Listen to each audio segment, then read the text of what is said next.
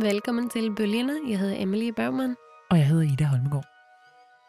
Nu er vi kommet til det tredje program i vores speciale om den svenske forfatter Birgitta Trotzig. Mm-hmm. I det første program så fik vi sådan lidt på plads, hvem øh, Birgitta Trotzig er, hvem hun var. Og vi snakkede med hendes, øh, en af hendes danske oversætter, Malte Tellerup, som er ved at oversætte sygdommen, som udkom på Arena på et tidspunkt i efteråret. Ja, og vi snakkede også med en anden af Birgitta Trotzigs oversætter, som er dig. Ja, præcis. Jeg har oversat Anima sammen med Maria Hesselager. Den er udkommet på Basilisk. Ja. Og så i det andet program, så tog vi til Sverige. Det var hyggeligt. Dig og Eli og mig. Mm-hmm. Og vi snakkede med Helena Fargetun, som er en svensk trotsig læser og kritiker og forfatter. Og så tog vi over på litterær gestaltning og talte med Karl Daniel Tørnqvist, som er elev der, og også meget interesseret i trotsig. Og i dag, i dag, hvad sker der i dag? Vi har også nogle gæster i studiet i dag. Ja, altså nu øh, har vi, været, vi har været lidt i Sverige, vi har snakket lidt om Trotzigs biografi og oversættelse, og så tænkte vi bare, at øh, Trotsig var jo også katolsk konvertit. Det er også noget, vi har snakket om før, men vi kunne godt tænke os at udforske det her spørgsmål om religion lidt mere, og Mm. Måske oven i købet, om man kunne finde på at øh, mene, at Trotsig var en mystiker. Og udover det, så har vi også tænkt lidt over, om, om der er nogle perspektiver mellem øh, Trotsig og moderne dansk-svensk litteratur. Og til Mhm. at besvare nogle af de spørgsmål, så har vi inviteret nogle gæster i studiet, nemlig svensk forfatter Johanne Lykke Holm og dansk forfatter og kritiker Andreas Amdi Eckhart Læsø. De kommer her. Velkommen til Johanne Lykke Holm Tak. og Andreas Amdi Eckhart Læsø. Tak. I er kommet i dag for at tale om Trotsig med os. Det er vi meget glade for. Har I lyst til at sige noget om jer selv, Johanne? Vil du starte? Jeg skal starte. Okay. Øhm, jeg hedder Johanne Lykke Holm, og jeg er svensk forfatter, øhm, som har udgivet en roman, som hedder Natten som foregik denna dag, som kom øh, 2017 øh, på Bornæs. Og så er jeg også oversætter fra dansk til svensk og fra svensk til dansk.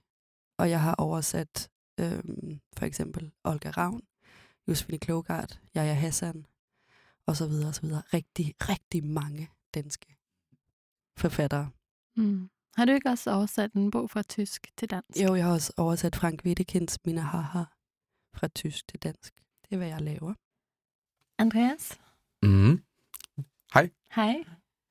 Jeg hedder Andreas Amdi Eckhart Læsø, og jeg er mm, forfatter og kritiker, og jeg har også oversat øh, to bøger fra engelsk.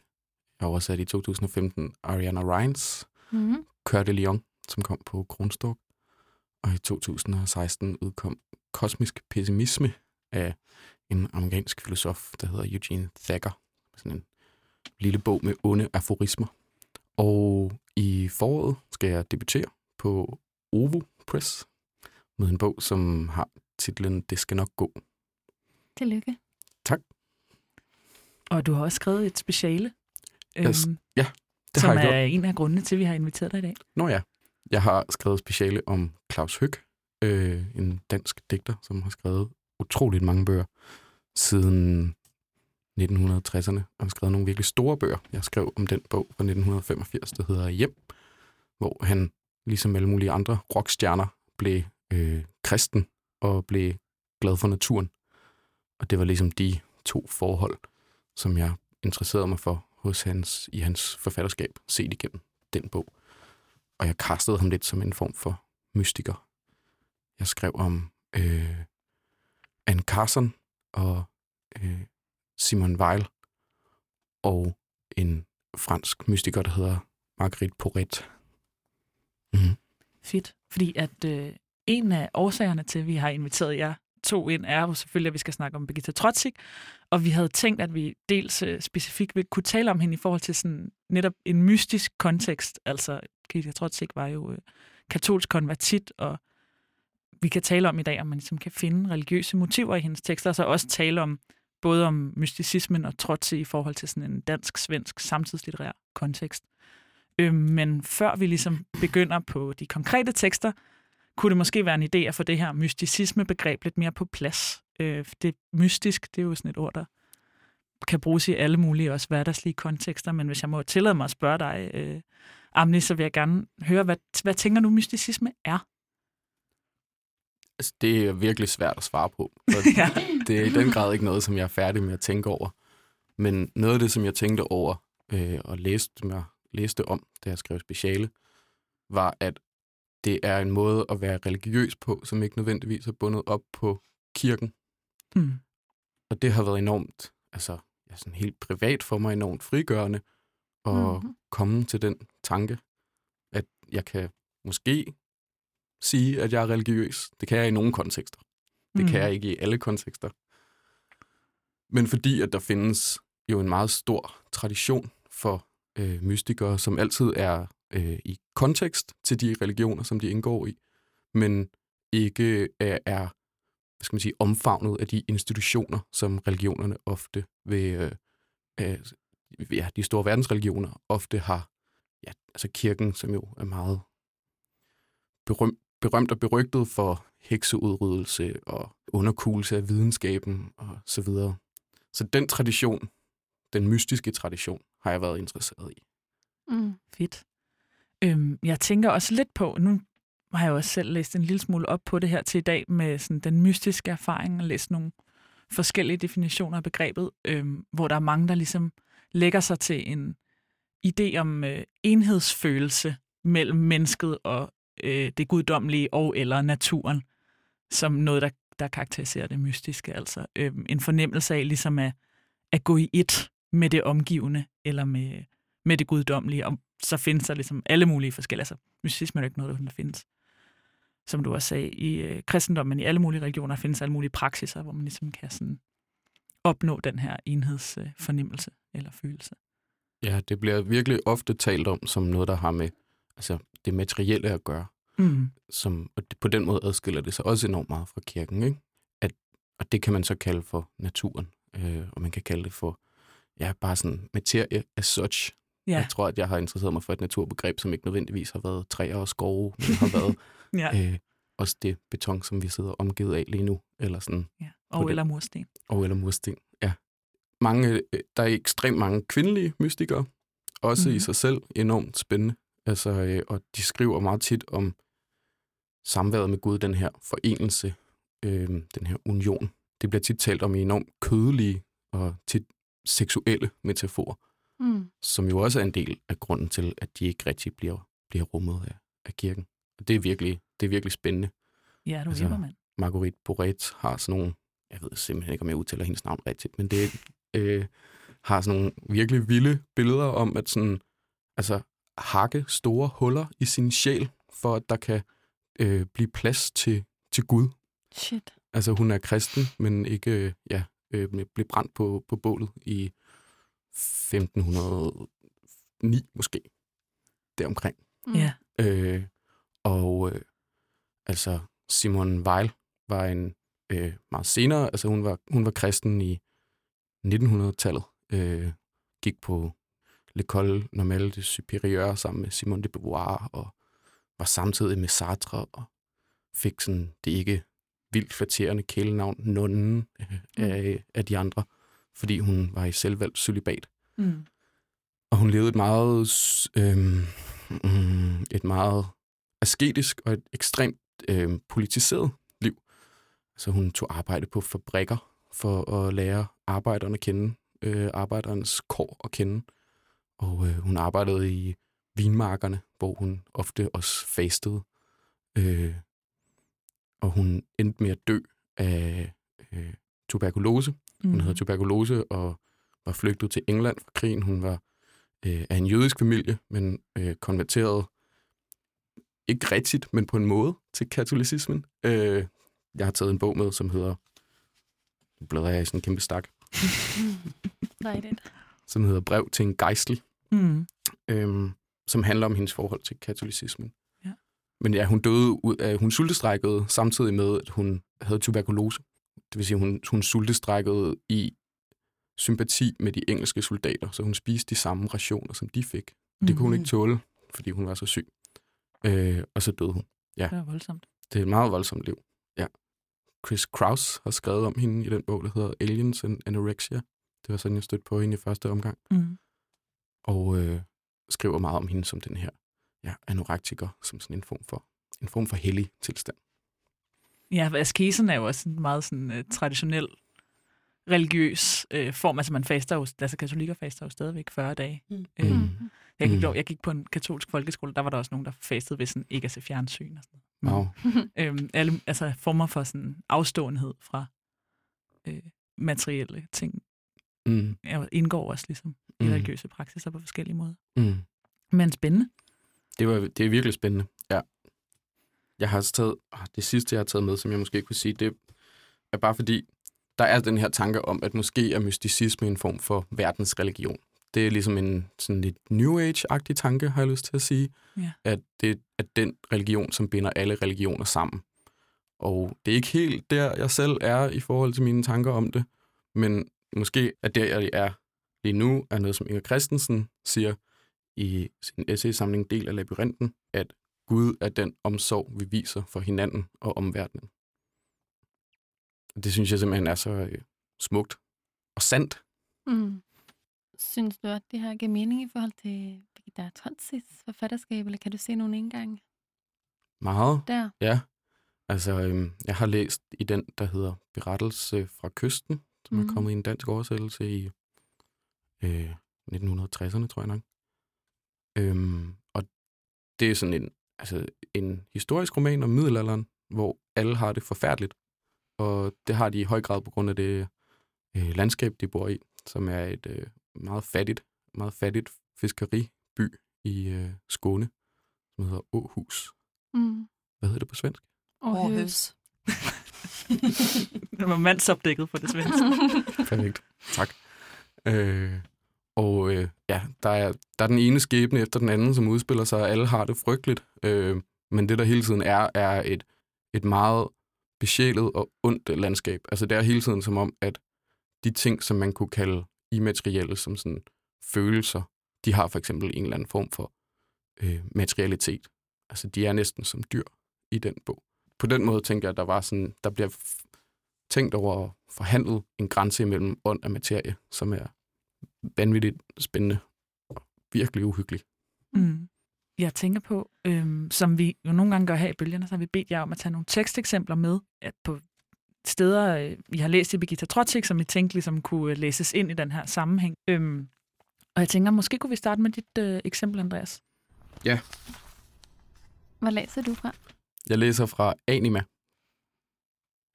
Når flyet er på vej ned mod Kennedy Airport, nærmer oceanet sig. Det vældige mørke hjerte udvider og lukker sig. En vældig hjerne under. Oceanet syder. En snehvid skumrand ætser Long Island. Ud af skovene og oceanet en klippeby, en jernby, rustskygget, dødsskygget. Flyets vinge drejer ned mod stranden og brændingerne. Havet er ikke andet end skum nu, en grundende dis. I disen ånder og bevæger det mørknende kontinent sig. Cape Cod er sunket ned bag horisonten, ned i døden. Et kæmpe dyr bevæger sig og ånder i den rungende, dundrende vandverden. En snart uddød dyrearts drømme pulserer. Valen er blevet ramt af harpunen og flygter i rygende skum, i iset polardise raser den fremad mod stilheden. Gennem blodskyer gengiver det lille øje hele jorden. Jernet trænger ind gennem siden til de pumpende, gispende hjertekamre. Dødeligt såret blegner det store, skyldfrie dyr. Det styrer sig jernet og fanglinen, udtømningens love. Den skælvende, vældige, uskyldige krop.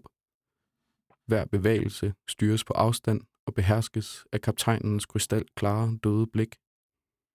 Cape Cod er allerede sunket ind i døden. Verdensrummet og oceanet står vidt åbne. Tak. Ja, jeg har ikke nogen meget stor udfoldet analyse af det her stykke, men jeg har læst i bogen en to-tre gange, og øh, det her stykke blev ved med at være enormt interessant for mig. Måske bare af den simple grund, at der bliver virkelig tænkt meget, eller virkelig skrevet en, en meget uhyggelig materialitet frem i det her hav, som er et meget stort dyr, og så er en val, og så stadig er det fly, man sidder oppe i. Der er en enorm stor sådan, bevægelighed i den her skrift, og jeg synes, at der er noget helt vildt. Øhm, jamen, altså, det er svært at finde de rigtige ord for mig, men det men noget helt vildt øh, levende. Simpelthen bare levende Mm. i det landskab, som hun skriver frem, tror jeg. Tænker du noget om det her, Johanne? Jeg, jeg sidder og tænker lidt på, at jeg altid synes, det er sådan helt seriøst et chok, når Trotsig bruger ord, Mm. som på nogen måde har med en slags virkelighed og samtid at gøre. Altså for eksempel i Svækket, Mm. hver gang der står trenchcoat, så er det næsten umuligt for mig. Mm. Og det tænker jeg også for mig er lidt det der, altså som en, der har læst måske for meget Trotsig, så er det også sådan en, der sker også noget der. Hun gør noget. Hvilket der er- ord er det, du tænker på? Jeg ved det, jeg tror, jeg ved det ikke. Jeg tror bare, at jeg, fordi jeg er så langt ind i Svækket, så er jeg meget sådan, det, jeg sidder og tænker meget på, at der overhovedet er noget, altså at det kan lade sig gøre. altså, at at der er et fly. flyve. Ja. Mm. ja.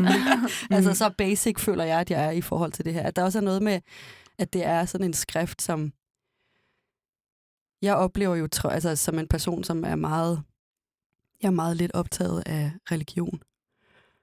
Men til gengæld så synes jeg, at der er en utrolig stærk mysticisme i Trotzigs grammatik, Mm. hvordan hun arbejder grammatisk, og jeg synes, at der er noget meget, meget specielt med, hvordan den grammatik hænger sammen med sådan jord og fugt, og Mm. nogle meget, meget sådan en slags præhistorisk mærkelig tilstand, Ja.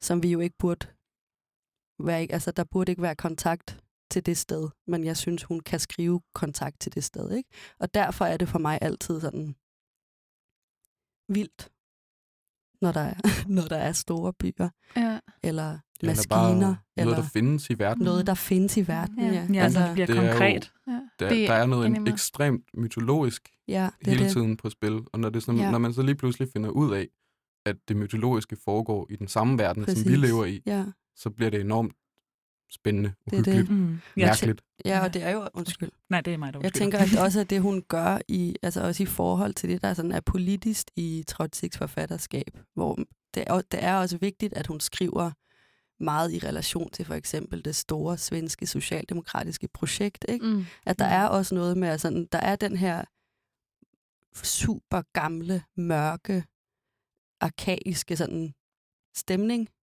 Det er tekster, som er optaget af, sådan nogle meget sådan, grundlæggende menneskelige vilkår, forhold, relationer. Ikke? Mm. Øhm, og samtidig så er det jo tekster, som næsten altid siger noget om, at sådan, øh, den her struktur er syg. Ja. Samfundet er sygt. Ja. Eller sådan, der er vold.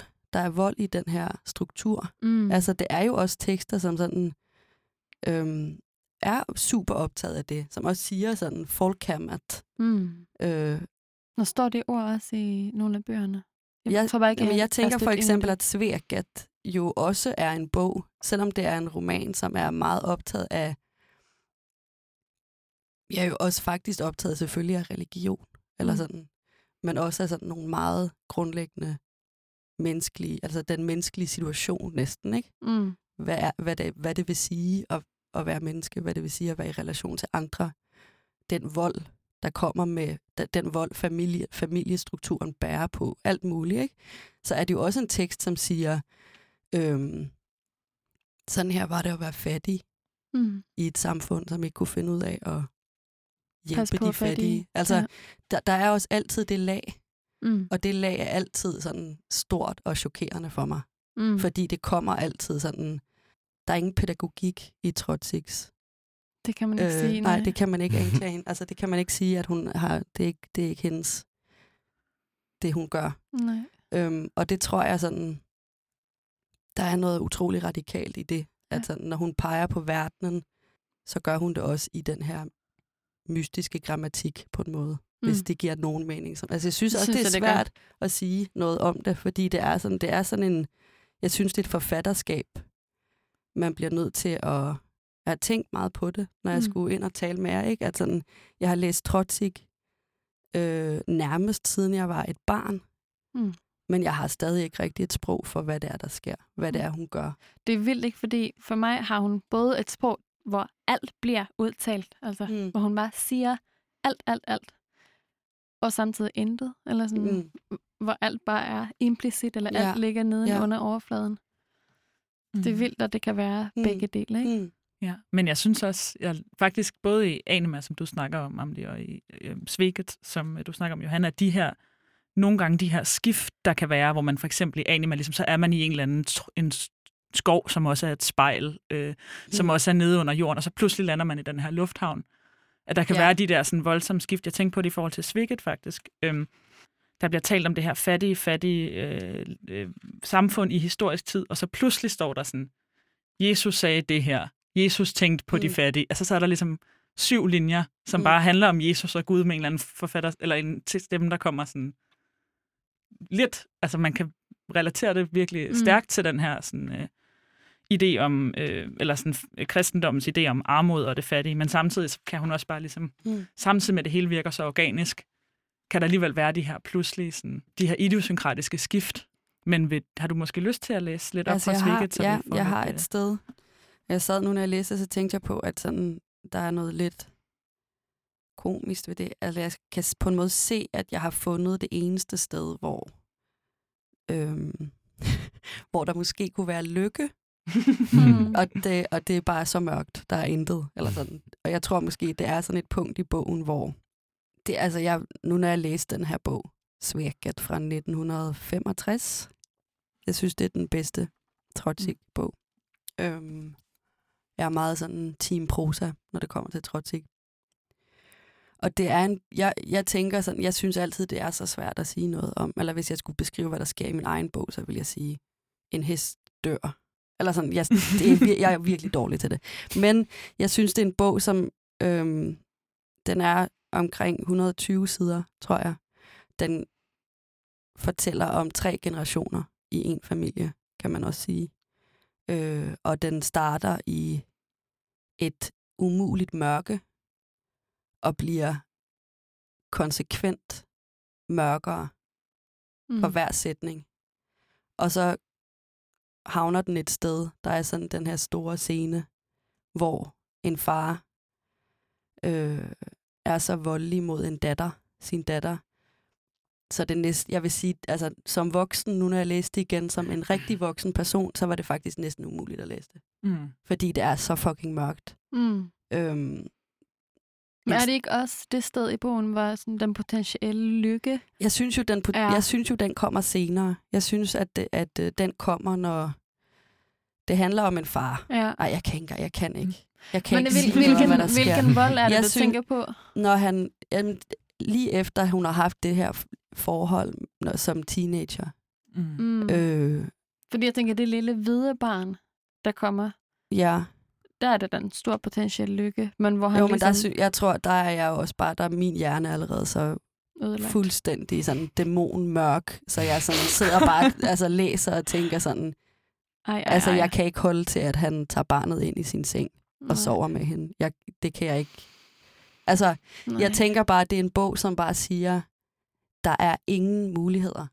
Og den, der står jo også i bogen, at Gud giver dig et sted, Ja. og så står du der. Mm. Og det er sådan, det kan man jo ikke bag, eller sådan, det er jo en umulig, det er et Mm. umuligt sted at være, og Mm. den bog er der Ja. konstant, ikke? Ja. Men jeg har et sted, øhm, som jeg først tænkte sådan, åh, er du blevet optimist, Johanne? og så var jeg sådan, nå nej, Nyt spørgsmål til Øh. radioprogrammet. er du blevet optimist?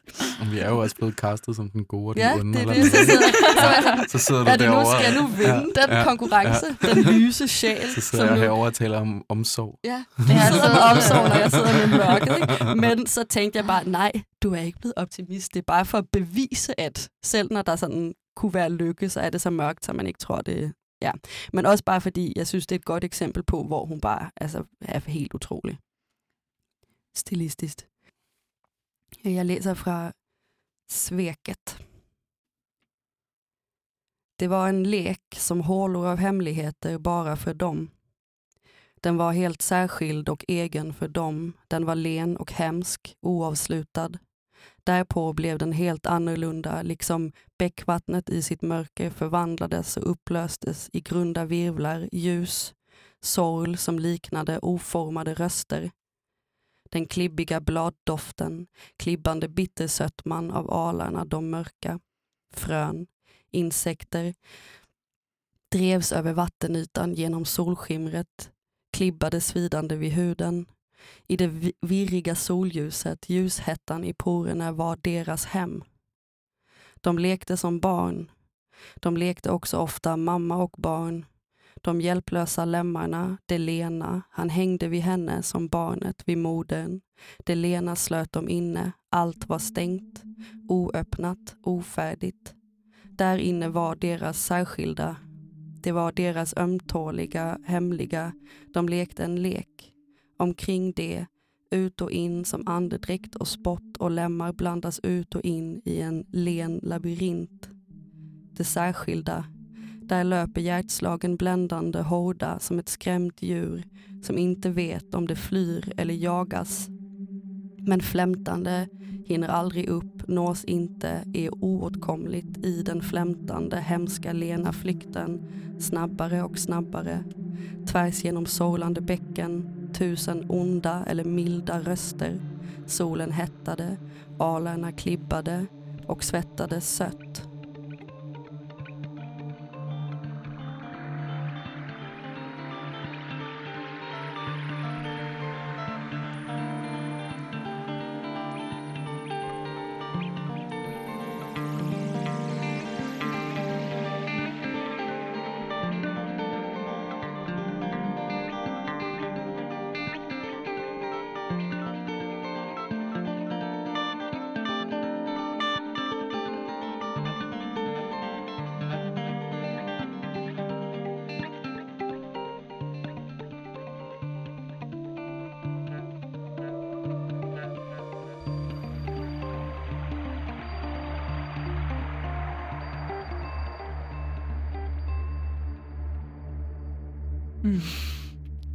Klæber meget, de der Yes. træer.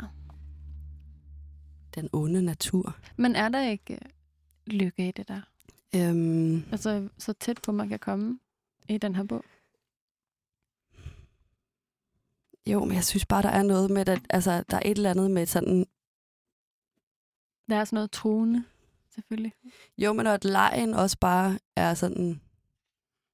Der er jo ikke et eneste sted i det her, i det her stykke, hvor det smukke, eller sådan, hvor begæret ikke også er sådan det hamsker, Nej. det onde. Nej. Og det er ikke engang sådan, det, det der er det grusomme, er ikke, det handler ikke om følelser, eller det handler ikke om deres forhold. Det handler jo bare om, at der er sådan noget, Grundlæggende. men jeg tænker også, at det er sådan en scene, som handler om, at de, kom, de er også kommet til seksualiteten, eller til begæret, sådan på en mærkelig måde. Mm. Altså, den er også en del af den her natur, som bare, som kun vil ødelæggelse, Ja. eller sådan, Mm. Så vidt jeg husker, er det også den... Øh, er det ikke den, hun ligesom... Den, hun har det her begær. Der er sådan en pige, mm. som har et begær over for en, en dreng, eller som man hører om i den her passage. Men han er også... Man har tidligere fået at vide, at han er sådan en lille smule øh, udviklingshemmet, faktisk. Det her er så den Altså, anden. det er den Hun har jo anden. to Okay. forskellige. Det er Leif. Men det er jo to, ja, det er to forskellige, Ja, øhm, ja. ja det er rigtigt. Det er ligesom, Men det er jo, jeg tænker, det er også bare sådan en slags spejling, Mm. At hun Ja. skriver den samme scene to gange. Ja. Fordi hendes eneste, den her piges eneste chance er jo selvfølgelig Mm. i den her struktur ja. at finde en mand, som kan fjerne hende fra... Ikke at det er noget, hun tænker, men jeg tror bare, at der er et eller andet i det, som bare... For mig er det virkelig sådan det mørke sted. Mm. Fordi man også ved, at konsekvensen er øh, meget sådan monstruøs Ja, altså, i, i men, hendes liv, ikke? Ja, du vimmer, mand. Det er, mm, men altså. den første scene, der er det virkelig, hun er sammen med den her dreng, som er øhm, som hun kender fra skolen, og så kommer faren ligesom og river drengen væk mm. Og slår hende, indtil hun bliver vandaliseret. Mm. Og spærrer hende inde i et døgn i en Ja. ja. jordkælder. Meget fritid-agtigt. Ja. ja, det er virkelig voldsomt. Men også et, øh, et vildt... Nu snakkede du om det her med hendes grammatik. Jeg tænkte på, om Mm. du vil sige lidt mere om, hvad det er for en specifik grammatik, du mm. Mm. læser hos hende. Oh. Jeg tror lidt, det jeg synes, hun gør, det er, eller for det første, så sidder jeg tit, når jeg læser Trotsik og tænker sådan, det her, det her kan, det, hun har ikke skrevet det. Eller sådan, hun har Hun ikke, har hun har, det, hun har ikke, måske. ja, eller sådan, det kommer, hun har hældt det op i et glas. Jeg ved det ikke. Jeg kan ikke Hun engang. har høstet det ude ja, på der er et eller andet i det, som bare, jeg kan ikke forstå, at det, at det kan lade sig gøre.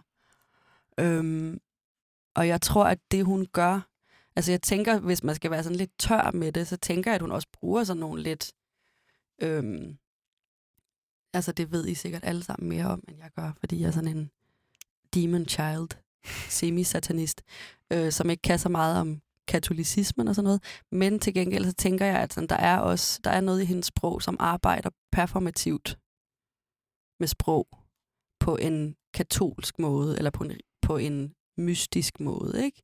At hun, mm. Når, jamen, når vinet bliver til blod hos Trotsik, ikke? Eller det, den, jeg tænker, at hun arbejder meget som den slags besværgelser. At Mm. hun sådan øh, gentager ting på en måde, som gør, at de også opstår, eller sådan, de, de, bliver, de bliver genstand. Eller det jeg tænker også, at du, det er det, du lidt taler om, ikke? Med hvordan det der med, at alting er et dyr, eller alting er, altså, at det er Ja. måske også det, hun Altså- kan sådan frem, hvad, hvad kalder man det? Jeg blev bare så inspireret af det, du sagde, Johan. Det er jo, mm. Den store forskel på protestantismen og katolicismen Mm. er jo, at eller det er der rigtig mange forskel på, men det, jeg synes er allermest spændende, er jo, at når du får nadver i en protestantisk ja. kirke, Ja. du går, så går du op og får et billede på Præcis. Jesu blod og Yes. Jesu kød. Ja. I katolicismen, så, Så så er, det jo Ja, Jesu blod ja. og Jesu kød. Eller det bliver det, når man spiser I det, det ved en øjeblik, du mystisk tager det ind i-. Ja. Ind i munden nemlig, ikke? ja. Det er, og det er den forskel, Ja. der er. Men tænker du Og ikke det også, ligger at jo det er i den... metaforerne. Præcis. Det er jo nemlig, altså på en måde, er det jo antimetaforer, Ja. hun laver. Yes. Det er ikke det er, er ikke et billede på noget andet. Det Nej, er det hinanden. er det, ja. Og det er også derfor, det er så svært, og sådan, det er også derfor, jeg sidder og tænker, det er ikke skrevet, Præcis. fordi det er, ikke?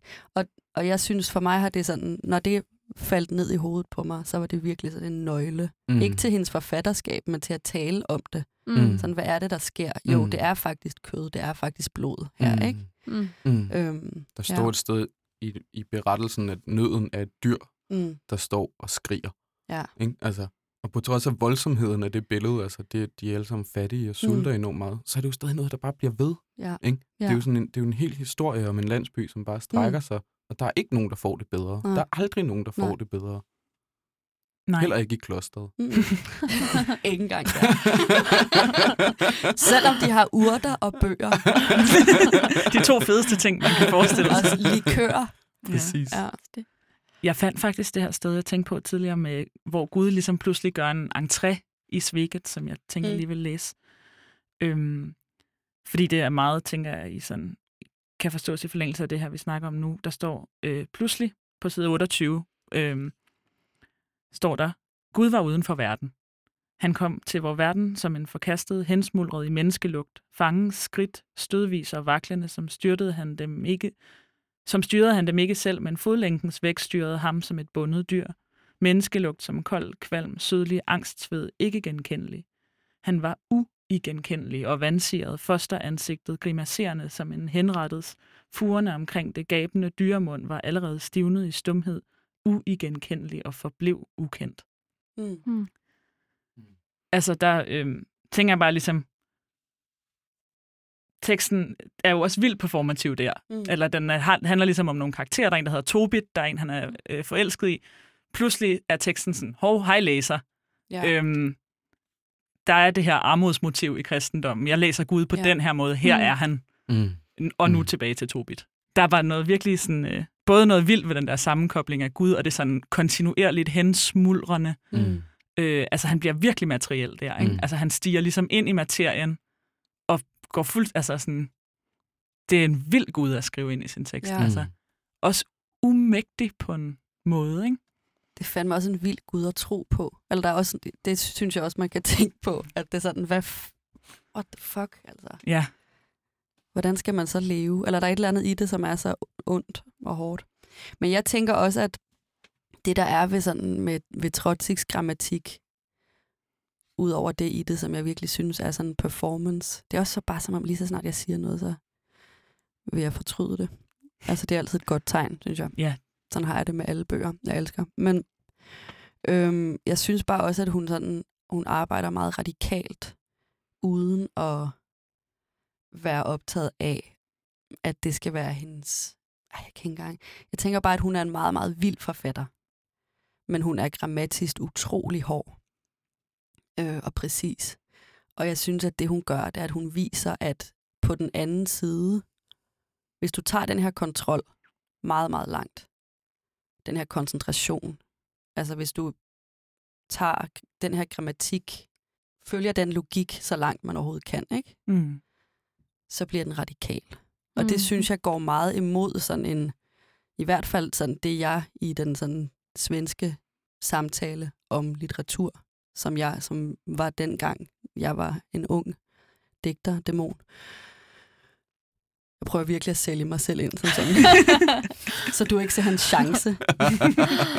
Lyse engle. Men Sådan er det jo i alle julekalendere, ikke? Ja, så skal der være Ja. en af hver, ikke? Jo. Øhm, jamen, jeg tænker bare, at der er noget med, at sådan...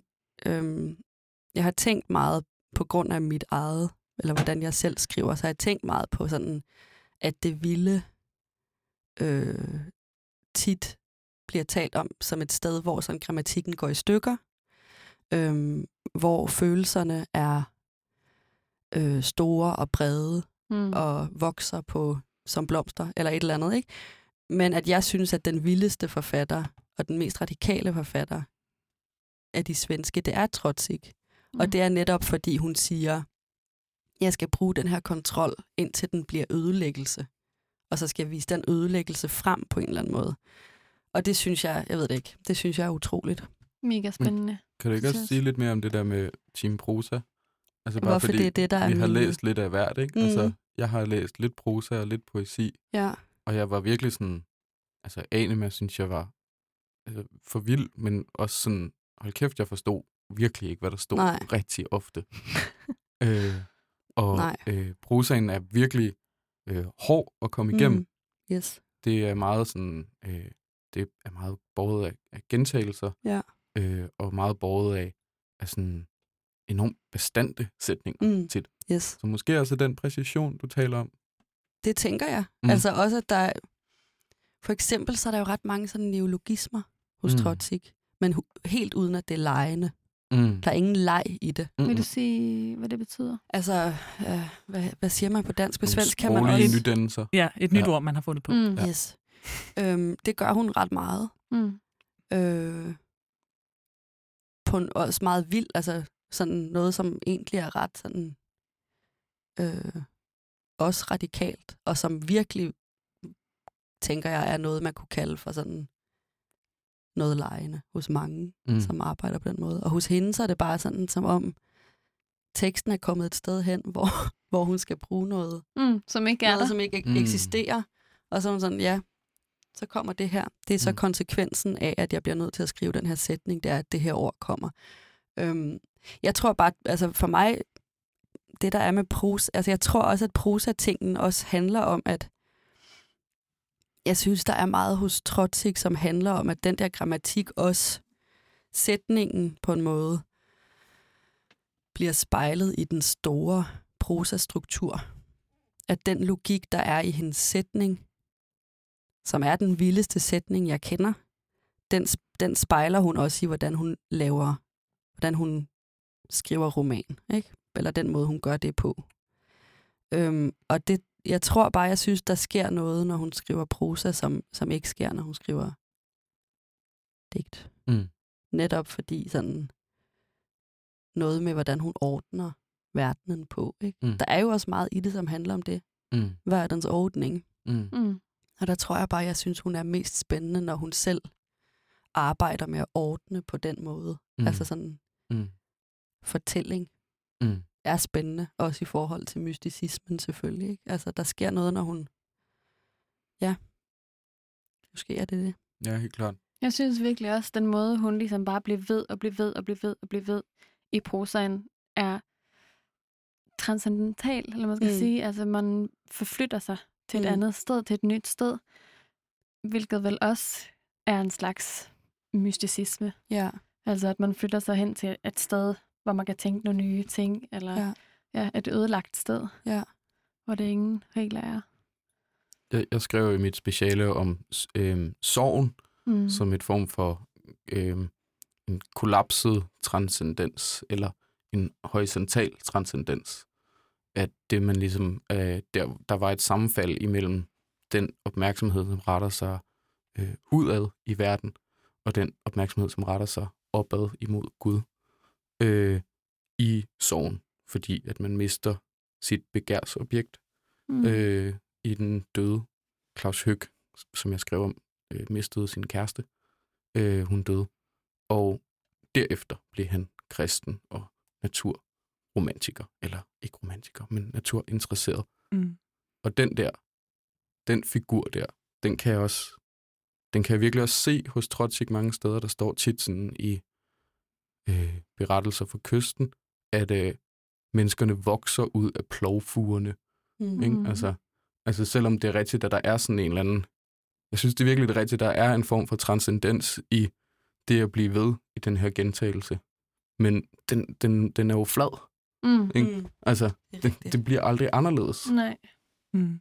Mås- Men måske kan man skrive sig nedad sig. Altså, Mm. hvis de ikke kan Mm. flytte sig, så kan man træde op og ned, Mm. mm. og ikke til side. Mm. Måske Tænk- er, undskyld, bare, måske er bønden også et, øh, et sådan begreb, man kunne øh, bringe i spil i forhold til det. Altså, Mm.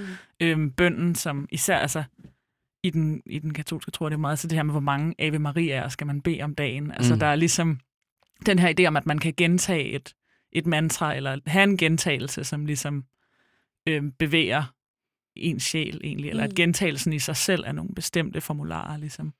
Det er der også Han, ja. nogle sætninger, der ligesom hele tiden går igen Ja. ja. i Trotsis øh, prosa især. For eksempel øh, sætningen, så var det. Mm. Ja. Altså, sådan var det bare. Mm. Mm. Øh, Meget vigtig sætning. meget Mm. vigtig og meget, meget frygtelig Ja. sætning. Men jeg tænkte bare på, at der er også den her første... Øh, der, hun har skrevet en roman i 80'erne engang, som hedder Døde Kongens Dotter, som jeg vil sige er sådan hendes mest... Det kan godt være, at du, ikke, at du er uenig. Fellow Swedish person. Øh, Det er helt sikkert den mest at den populære, er, ikke? præcis, det er den, du kan købe i lufthavnen. Mm. Den eneste. Næsten. Øh, den, Måske, hvis der er en meget kreativ øh, person, det er som den, man arbejder. kan få i Pocket Shop. Ja, det kan du. Du kan Mm. godt få den i Pocket Shop. Så jeg vil, tænker bare, at sådan, den, den starter med de her sætninger, som er sådan her. Jag har en historia att berätta. En kvinna kommer vandrande. Hon kommer utifrån yttersta landsbygden där allting är underliga byar. Hon är på väg till staden, hon har sina skäl. Och det tänker jag också är sådan en... Det der med, at alting er underliga byar.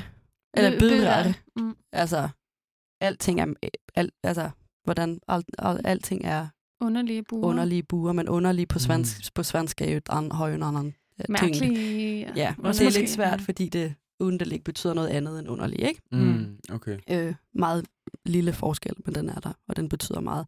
Men jeg tænker bare, at der er noget med det der ho- horisontale i den tanke, altså det der at se landskabet som en samling, øh, og samfundet som sådan en masse buer, Man Mm. tæt op af hinanden, Mm. hvor man kan mm. gå ind og ud. Altså, der er jo et eller andet i det, som er Mm. fuldstændig vanvid, Mm. som også bare handler om, at sådan, alting er lukket. Ingenting Mm. vil ske.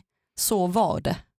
Eller at landsbyerne er så også små, og Små, små, ja. kubler Yes. af liv Ja, ja. i et meget vildt landskab, Ja. som er enormt Yes. farligt. Mm. Der er er et også bare et billede, der kommer fra øh, mit indre blik. Altså når man ser ud over et landskab og ser sådan opdyrkede marker, Ja, som er også rigtigt. er ternet, ikke? Som Mm. man normalt set måske vil se som et smukt billede, Mm. men Mm. som også virker truende Ja. eller ubehageligt og mørkt. Her, Skåne. Skåne. Onde Skåne. Onde, onde Skåne, altså. Og jeg tænkte også på det der med, så var det.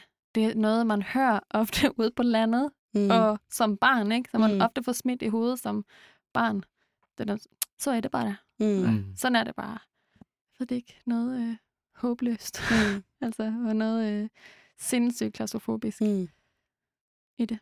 Ja, når man er vant til, at man gerne vil ændre på sine tilstande, hvis de ikke er, som man gerne vil have, de skal være. Mm. Altså så, når man, men når, ja, måske er det også, når man arbejder med jorden. Mm. Altså, jo, altså det er jo i den grad også noget, hvor man må afgive en ret stor portion kontrol Mm. og sige sådan, jamen sådan er det bare. Mm. Den her jord, vi har, den er måske ikke den bedste jord, men sådan er det bare. Mm. Og det kan man på en eller anden måde ikke, ikke ændre på. Eller også bare, nu kom der ikke nogen regn det her forår. Præcis. Sådan var det bare. Mm. Mm. Man er prisgivet Mm. Gud og naturen.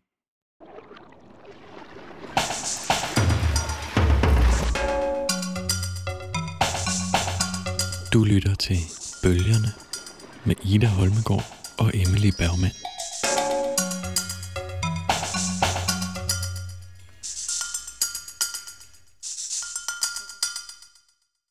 I direkte forlængelse af anslaget til dykongens datter, så kunne jeg godt tænke mig at høre dig, Johanne, læse anslaget til din bog, Natten som foregik denne dag.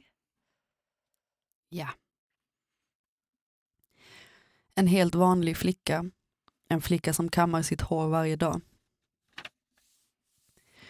Idag blir jag 13. Idag har jag kammat mitt hår i olika frisyrer. Idag har jag lagt min barndom bakom mig för att möta verkligheten. Det här är titeln på den här dagboken. Min syster har plockat stenfrukter till mamma. Hon samlade dem i sitt nattlinne och sa “Titta mamma, aprikoser”. Hon bredde ut dem över en filt i gräset. Gula ovaler som blänkte och blänkte. Jag såg på min syster när hon doppade knäna i jorden. Jag ropade till mamma. Ditt ansikte, du har så stora kinder. Jag ser på hjärnan som hänger runt min midja. Mitt skelett sticker fram ur köttet och är fyrkantigt. Jag ser på min kropp och frågar, vad är det här? Är det en kropp eller är det en kista? Jag tror att det är en flaska som någon har fyllt med mörk medicin. Jag får inte plats i detta hus. Här finns fotoalbum, bilder på mig och min syster när vi dansar, bilder på oss när vi simmar i floden. Här finns korridorer och trappor. Här tätnar det hotande ljudet från vattenrören på samma sätt som hetta tätnar i tropikerna. Det finns så många frågor. Hur låter det när det regnar i gryningen? Hur låter det när flickor marscherar? Jag vet hur det låter när hästarna dånar förbi med sträckta halsar. Jag läser i boken som handlar om hjärnan. Jag antecknar i marginalen med en blyertspenna. Hjärnan är den grå materian. Den kan bli röd om man låter den dricka av den mörka medicinen. Jag vet bara en liten del av allt som finns att veta om hjärnan eller kosmos. Jag vet att den är en svamp. Jag vet att jag har en barnhjärna, en hästhjärna och en landskapshjärna. Utanför fönstret finns rymden. Idag har jag tryckt citronhalvor mot mina kinder för att bleka dem. Jag kunde inte skriva i dagboken igår för mina händer skakade för mycket. Jag tänker att jag dränker mig i floden som är ett stort vattenhem. Där finns kaveldunsväxter och insekter. Jag skulle se min hjärna flyta ut över flodbotten och sprida vattenpest. Idag har jag piskat hästen för att den förtjänade det. Hurra, jag älskar faror, skrek jag till hästen som heter Elektra. Jag äter grädde med sked för att göra mamma besviken. Jag tänker på absolut ingenting. När jag fortfarande var ett barn hade jag ett barnhuvud. Idag har jag strukit bikarbonat på mina naglar för att de ska bli vita. Elektra är den enda kvinnan i det här huset som inte är en helt överflödig person. Tak. Altså, for mig så minder de her to øh, eh, anslag om hinanden øh, eh, på mange måder, men måske fremmest fordi, at de her piger ligesom ikke bare bliver præsenteret, men opstår på en nærmest biblisк ja. måde. Ja. Og så også på den måde, altså, eller også den måde sproget er Mm. vildt på, Mm, og nådesløst på. mm. Føler du selv, at du har et trodsigt arv?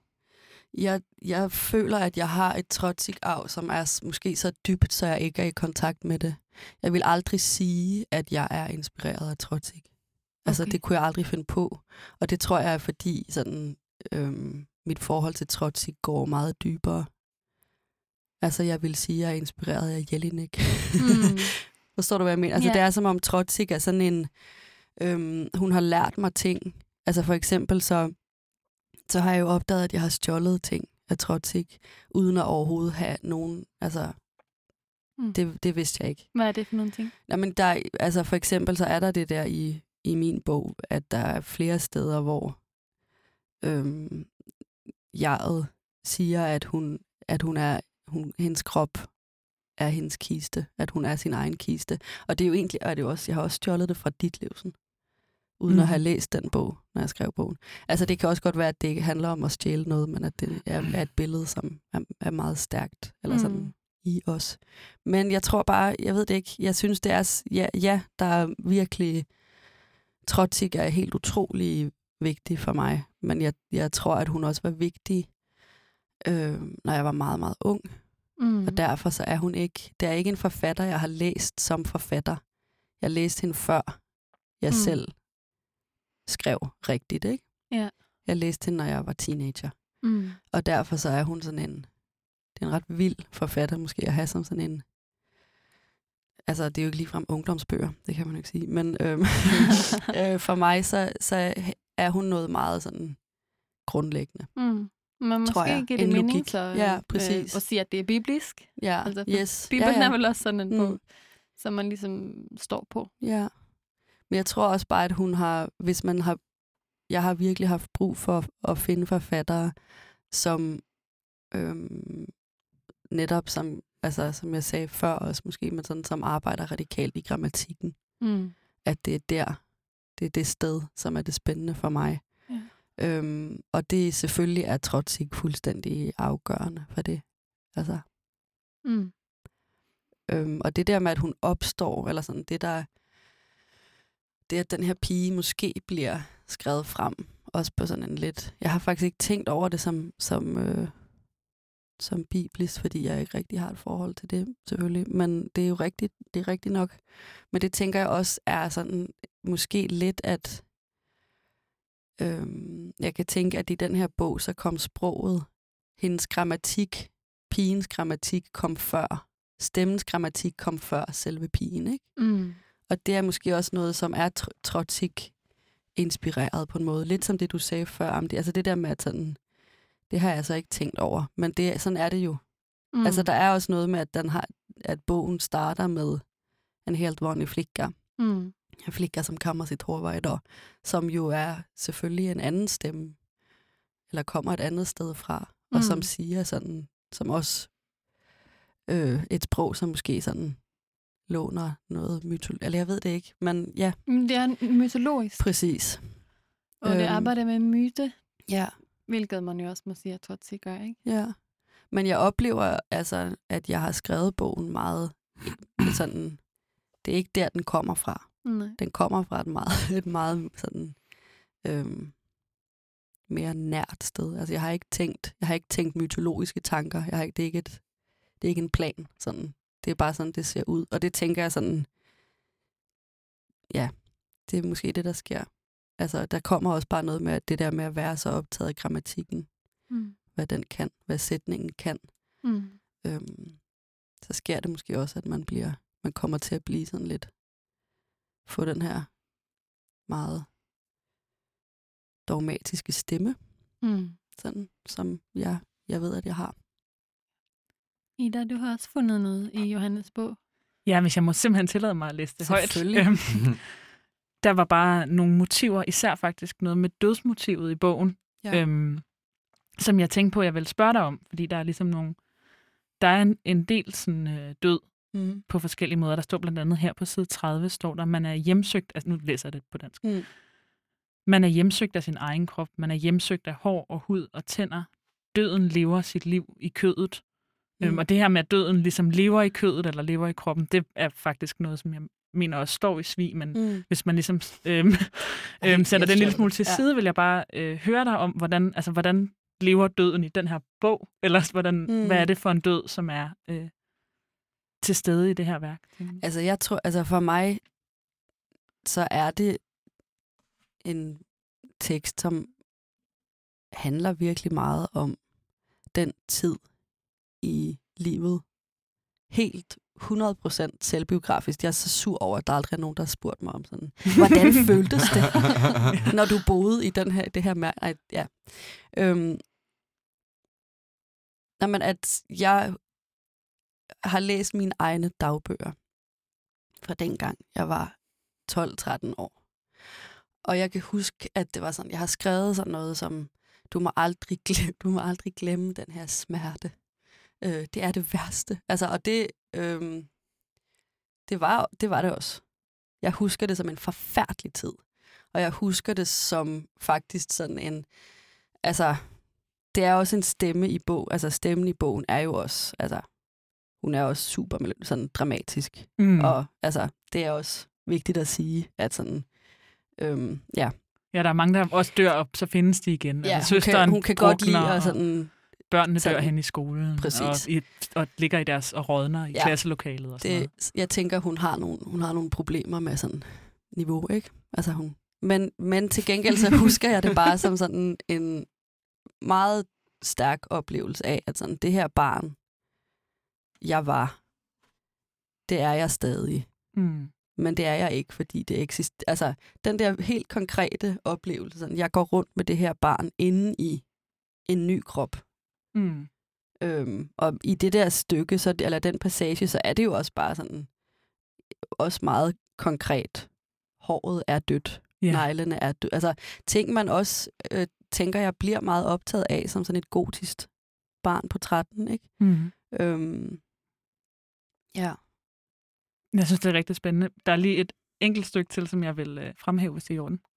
Øhm, på, som er på side 52, hvor der står, øh, jeg gør ukulte øvelser for at skræmme mor. Der findes ingenting værre end et sprog, hun ikke forstår. Mm. Jeg råber matka, matka, og mor fatter ingenting. Mm. Altså, jeg synes, det også er ret... Øh, det var et sted, som jeg synes var sådan enormt befriende og dejligt af den her bog, Ja. og hvor der også måske lidt sådan, ja, på nogle måder modsat de ting, vi har snakket om tidligere, også faktisk kan være sådan en humor Ja. til stede, og Ja. hvor man også ligesom kan tage det her okulte ritual, og sådan Ja.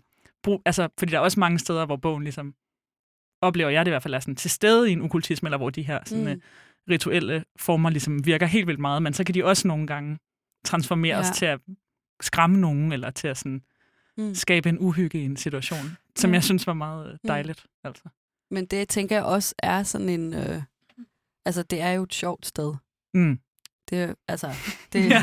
jeg er glad for, at du vil tale om et sjovt sted. Fordi Ja. jeg tænker, at den, den, jeg, jeg prøvede at være sjov. Det gik ikke så godt. Men øhm, Jeg gik det fint. jamen, det er godt. Der, der var, jeg har en side. Hvad sagde du? Side 52. yes. Fucking stærk, sjov side. øhm, men jeg tænker, at det også, altså, det er jo også et godt sted, fordi det er et sted, som... Jeg tænker, at der er meget i bogen, som også handler om, og det, altså, det giver måske også mening i forhold til trotsing, at der er meget, som sådan handler om, at når du er i en struktur, hvor du ikke har magt, så er der meget, som handler om, hvordan kan jeg forhandle, hvad kan jeg gøre, hvad er mit våben, hvordan kan den forhandling se ud, hvor jeg faktisk får magt. Øhm, og det er jo sådan, så er det det eneste sted, hvor hun kan vinde over sin mor. Det er Mm. i sproget, ikke? Det er der, hun kan eje situationen. Ja. Øhm, Ja, men der står det der med, at moren hader, når der er noget, hun ikke forstår. Det er det. Altså, Mm. det har jo også noget med det grammatiske at gøre, at gøre igen, tænker jeg, Præcis. eller med sådan at indføre en ny, en ny sproglighed, som Ja. man selv har kontrol over. Mm. Jeg sidder faktisk inde med et spørgsmål, som jeg helt vil gerne vil spørge, øh, og som jeg har tænkt over øh, gennem alle de her programmer. øhm, hvis jeg må vende tilbage til Trotsig. mm. Er Trotsig nogensinde sjov? Ja. Hvornår? Ej, fuck, jeg skulle have... Jeg havde, der var et sted i Svergat, den mørkeste bog nogensinde, hvor jeg pludselig hørte mig selv sådan grine højt Uh. Ud i rummet. Mm. Øhm, Kan du huske- Nej, det kan jeg ikke. Så det er sikkert ikke sket. Altså sådan, jeg sidder og lyver. Øh, jeg, jeg har det bare som om, jeg har... Jeg synes, der er steder, hvor hun er så fucking tør. Mm. Så der sker et eller andet, hvor man bare sådan... Men er Eller det med hvor- vilje? Jamen, det synes jeg. Jeg synes også, der er steder, hvor hun sådan... Hvor den her alvor, Mm. hvor hun går så langt ind i den. Så hun sådan... Og det, Altså, som, vi grinede også sygt meget, da vi oversatte Ja. mig. Men Men der tænker du mere, det er fordi, sådan, det, er ikke, det er ikke bevidst. jeg ved det ikke. Altså, det var også bare nogle steder, hvor vi kom til at oversætte det lidt, sådan, eller hvor vi tænkte sådan, er det også det har oversat det så sindssygt, eller står ja. Der virkelig det her? Ja.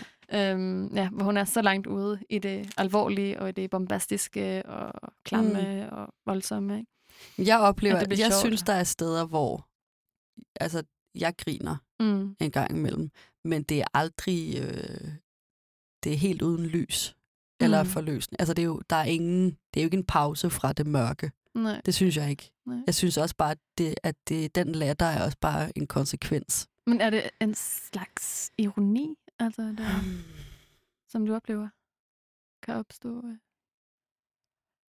Nej, jeg tænker mere, at det er sådan, at hun, øh, at hun er så konsekvent, Mm. så det nogle steder bliver sjovt. Altså at hun sådan, de steder, hvor andre forfattere vil sige, nu tager vi lige noget, et par bløde sætninger her om noget vand i modlys, eller whatever, ikke? Uh. Så hun bare Det kunne så, hun da godt Ja, jo, men, jo, men så vil hun Ja. sige, øh, så, så, så er det det onde vand. Altså, der er et eller andet med de steder, hvor hun bare ikke... Altså, der kommer ikke nogen pause. Der kommer ikke nogen... Nej. Altså, jeg ved det Men ikke. den er... figur i sig selv er jo på en måde sjov. Ja, altså slap, præcis. Det er det. slapsticken, Ja, ikke? Det er sådan en ond slapstick. præcis. Det er meget sådan gyserfilm arbejder. Men altså, Det bliver, griner ved, man så det bliver ved for Ja. længe, Ja, ikke? Og det er derfor, man altså, måske griner nervøst. præcis. Ja. Og jeg tænker, altså spørgsmålet er jo sådan... Jeg, jeg synes virkelig, hun er sjov, og jeg synes, du har helt ret i det der. Og så tænker jeg sådan...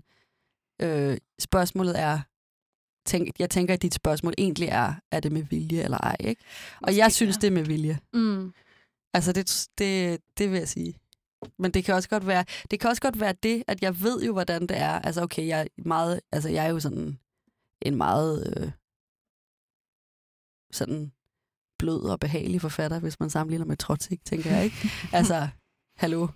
Jeg var meget spændt på, hvad du havde tænkt dig at sige. Hvad sker der nu? Nej, men jeg tænker bare, jeg kan ikke, altså det, jeg, jeg føler også, at det, øh, det, det svenske udtryk, svare i kyrkan, Mm. øh, Mm. hvis jeg skulle sidde og sammenligne mig selv med Birgitta Trotzing. Øhm, blasfemisk. Men jeg tænker bare, at sådan, jeg ved jo også, hvad det vil sige at være det her, at være optaget af det her mørke, Mm. og den her, at være optaget af den her grammatik og alt det der, og bare blive i det, Mm. og bare insistere på, at sådan, nej, der kommer ikke nogen pause. Mm. Nej, det bliver aldrig, det skal ikke flyde, det skal ikke være behageligt, det skal være ondskabsfuldt og konsekvent. Mm. Og så sker der jo det der. Så står den her pige jo pludselig og skriger matka, matka, Mm. uden at det måske er det, der er min plan. Men det er også sådan, der er også en øh, komisk, øh, synes jeg, konsekvens af det der mørke, onde sted. Altså for eksempel, tænk også Witold Gombrowicz, den polske forfatter. Jeg synes også, han er sådan en, Mm. som sådan, eller Jelinek, Ja. hvor der er bare er en, en slags meget rå humor et eller andet sted inde i den der meget mørke, grammatiske kugle. Mm. Det synes jeg også, Trotsig gør. Jamen, det har du samme oplevelse.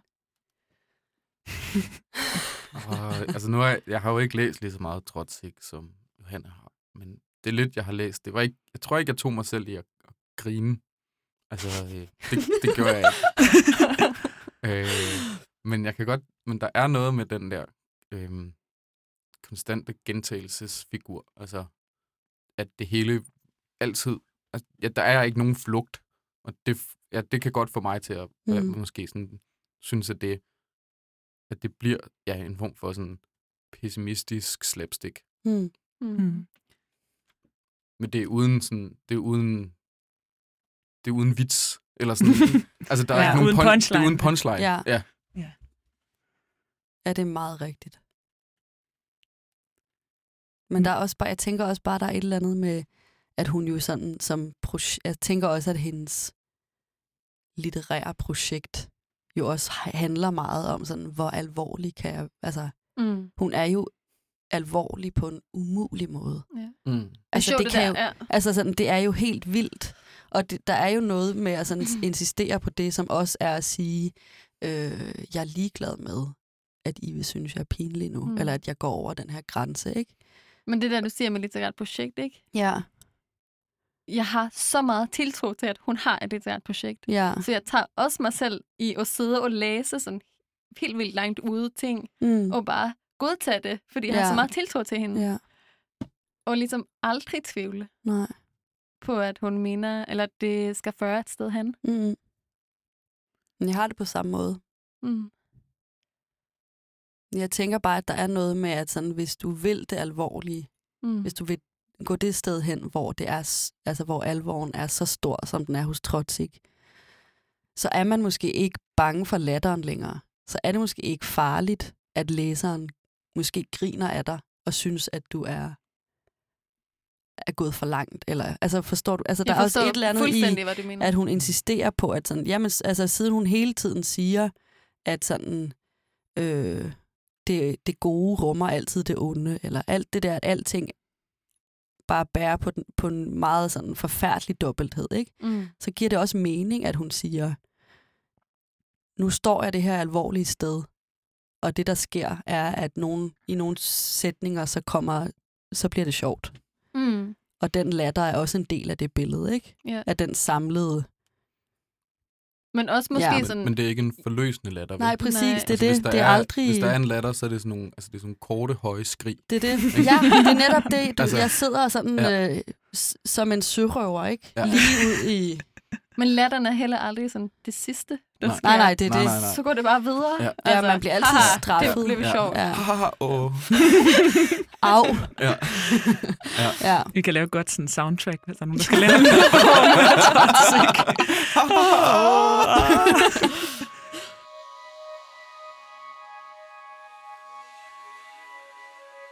Ind med et spørgsmål til Amdi. Yes. Vi, øh, Amdi, vi har også øh, spurgt dig om, om du kunne have lyst til at tage øh, nogle tekster med. Øh, nogle, altså nu, hvad kan man sige, sådan, du, Johanne, i dig selv måske et, i hvert fald et øh, moderne eksempel på en, der har forholdt sig Mm. til Trotsik i sit skrivende. Øh, men vi er også interesseret i, om der ligesom er andre steder i den danske eller svenske samtidslitteratur, hvor man ligesom kan finde nogle, enten nogle af de her mystiske bevægelser, eller nogle bevægelser, der minder om det, vi har talt om i Trotsik. Og har du taget noget med til os, som vi kunne læse i dag?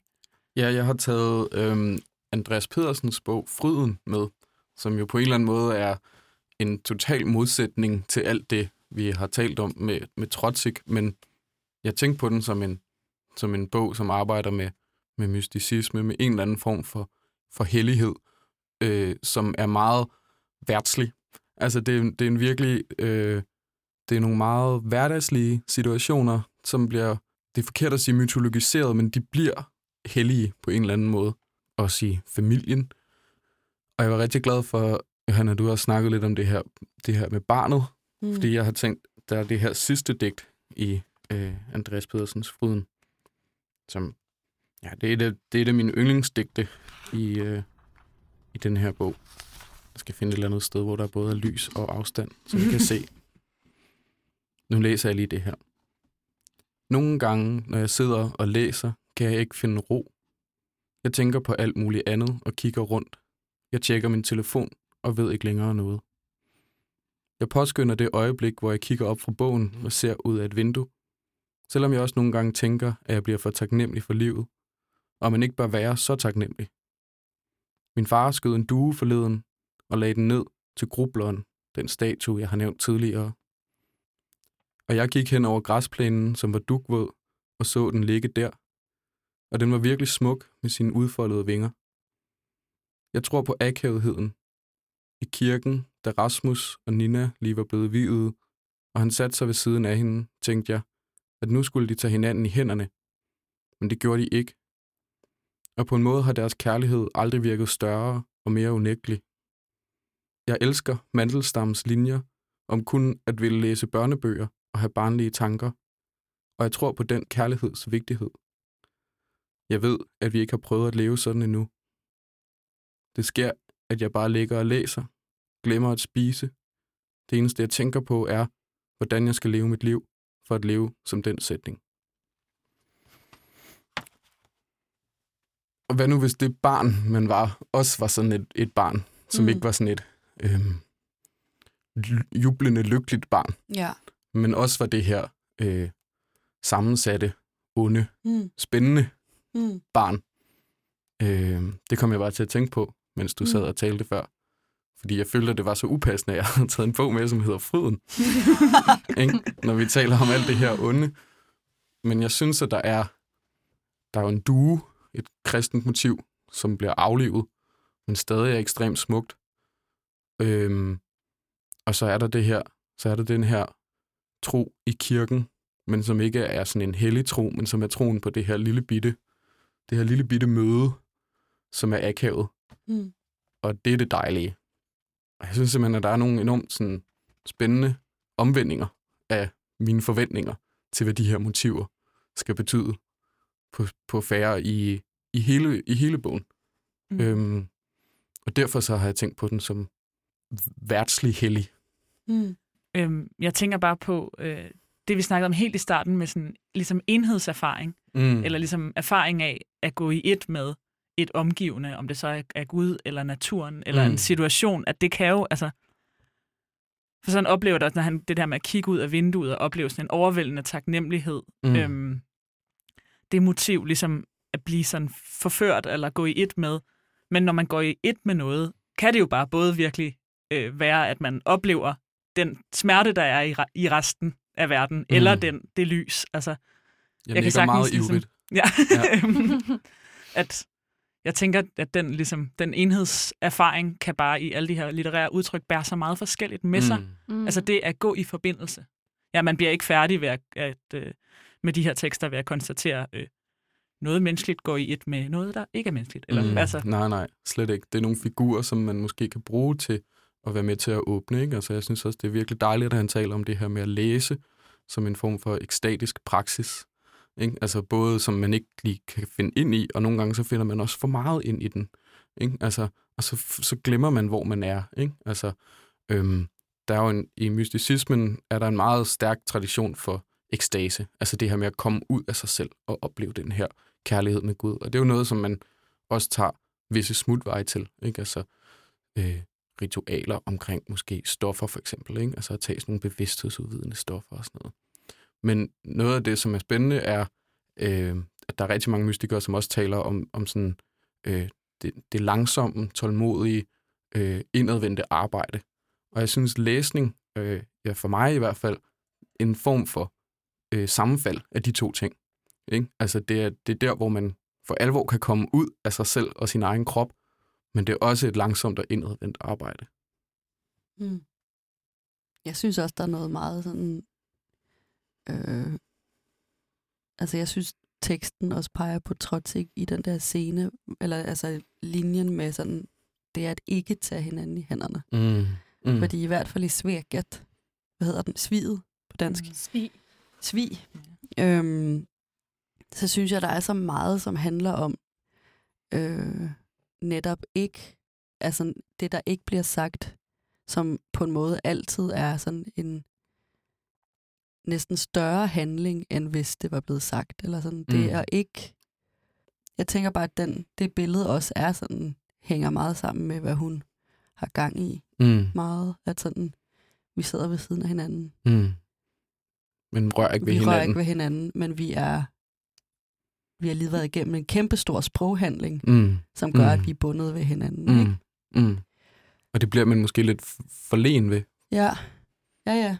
Og det er, den, det er altid de der, lidt, Mm. på en eller anden måde, er det, de, det er lidt de mindre følelser, ja. som altid interesserer i hvert fald Andreas Pedersen Mm. i, i den her bog. Ikke? Og det synes jeg er en meget stor sådan, gave, en, et, et, et, et, at kaste lys over den form for, sådan, for, for, for mikrosituationer, Mm. som jeg synes ofte foregår der. tak fordi I havde lyst til at være med i bølgerne om Birgitta Trotzig. Tak fordi Tusind Tak. tak. Tusind, tusind tak. Det var tre programmer om den svenske forfatter Birgitta Trotsi. De har været virkelig fede at lave. Vi håber også, de har været virkelig fede at lytte til. Det gør vi bestemt. Vi håber, at øh, hun vil blive læst rigtig meget. Selvfølgelig er der nogen, der vil kaste over hendes forfatterskab. Vi håber, at I vil dykke ned i hendes mørke, og ikke bare læse hende, men oversætte hende, dyrke hende, skrive i hendes ånd og huske hende for evigt. Man fristes til at sige ammen, som slut på den her podcast. Måske skal det blive vores øh, afslutning i, Ja. øh, i fortsætning. Ja, Fortsætningsvis bliver vores afslutning. af en ja efter halvårsprogram. Ej, det tror jeg måske er lige megalomant nok. Øhm, vi skal også huske at sige tak til Nordisk Kulturfond for midler Øh, tak til Statens Kunstfond, tak til Fondet for Dansk-Svensk Samarbejde, og selvfølgelig tak til alle vores gæster. Tak til Malte Tellerup, til Helena Fagertun, Karl Daniel Tornqvist, til Johanne Lykke Holm og Andreas Amdi Eckhart Læsø. Og tak til jer, kære lyttere, fordi I lyttede med.